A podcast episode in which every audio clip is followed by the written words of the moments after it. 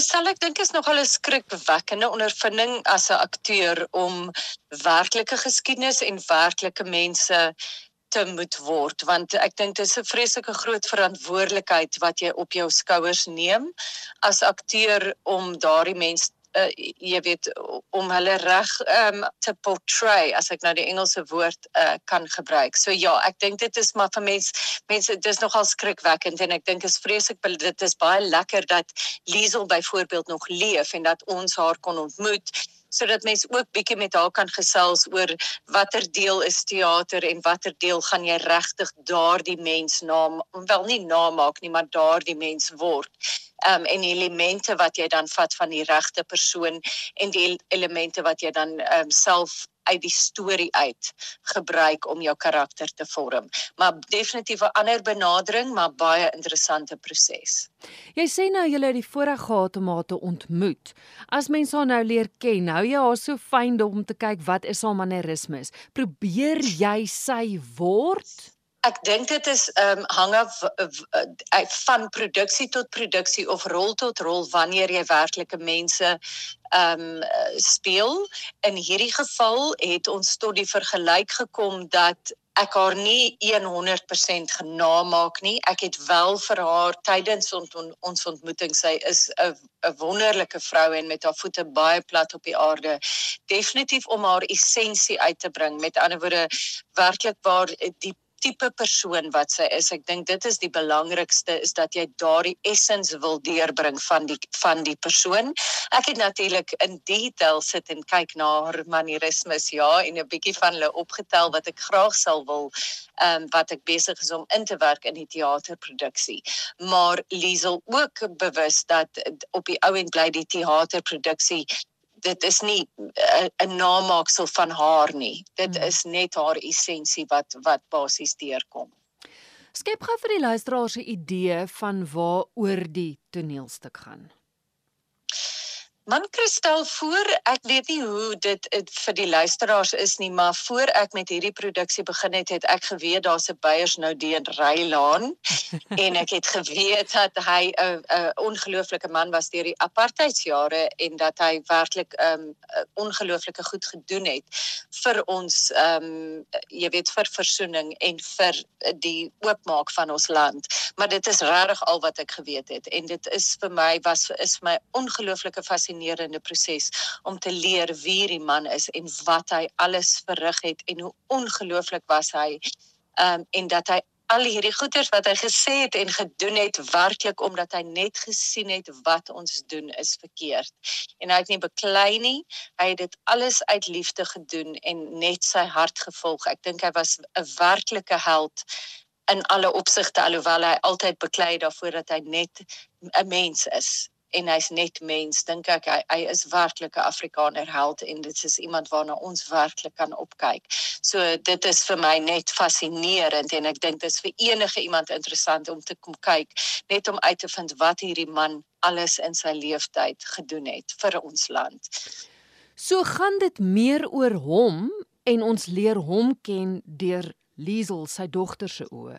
Ek dink wat wonderlik en interessant is Kristel is ons leer hom ken deur sy dogter se oë. So dit is 'n baie persoonlike storie en ons leer ook sy persoonlike lewe en hulle huislike omstandighede en wat dit aan hulle gedoen het as familie al hierdie veranderinge en die feit dat die Afrikaner basies vir die hele gesin verwerp het, die veiligheidspolisie wat hulle dopgehou het, hy was onder huisarrest vir 7 jaar. Al hierdie goeters wat aan hulle gedoen is en hoe dit dan die familie ook ehm um, jy weet watter effek dit op hulle gehad het. So ek dink dit is 'n wonderlike plei want dit is nie net 'n reeks feite nie. Mm. Dit is 'n baie persoonlike storie. Dit gaan ook oor verhoudings binne families. Dit gaan oor verhouding tussen dogter en pa en dan gaan dit hoe sy haar pa gesien het uh, wat ek dink ook wonderlik is en al hier kom natuurlik uit Henk se verskriklike navorsing en jare se onderhoude met Liesel. So hierdie dinge is weet hy nie uit die lug uitgesuig nie. Dit is natuurlik alles ehm um, waar. Mm. Tog is dit nie 'n een vrou vertoning nie. Daar's nog 'n karakter saam met jou op die verhoog. Hoe pas hy in? So Robert Heinley, wonderlike akteur en dankie tog dis nie 'n een vrou vertoning nie. As 'n akteur is jy baie dankbaar as dan nog iemand saam met jou op die verhoog is.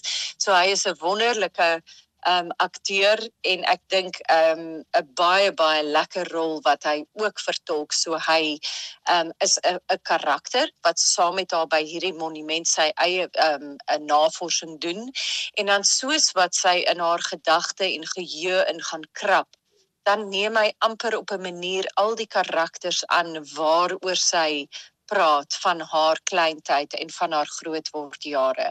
So ek dink is baie lekker om na te kyk. Ek dink is baie toneelmatig.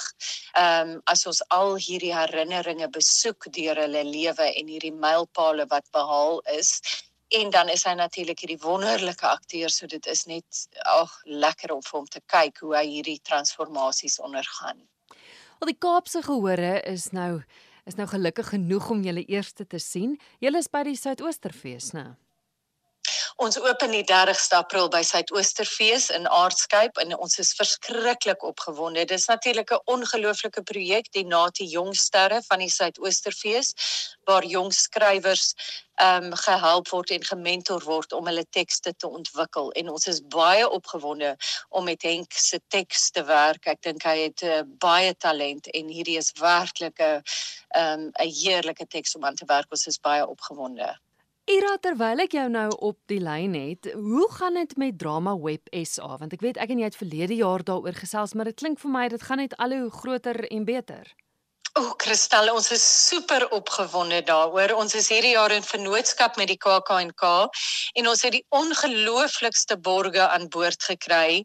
Ehm um, wonder wonderlike pryse. Ons het like ons het R35000 se pryse behalwe ons groot pryse ehm um, wat uh, Bib Afrika is wat vir ons twee audioboeke ehm um, geborg het wat hulle die ehm um, twee kinders sal kies uit 'n audisie uit wat dan betaal sal word om twee audioboeke voor te lees wat hulle dan sal publiseer op Bib Africa se ehm um, tuiste wat absoluut wonderlik is ons is so opgewonde daaroor.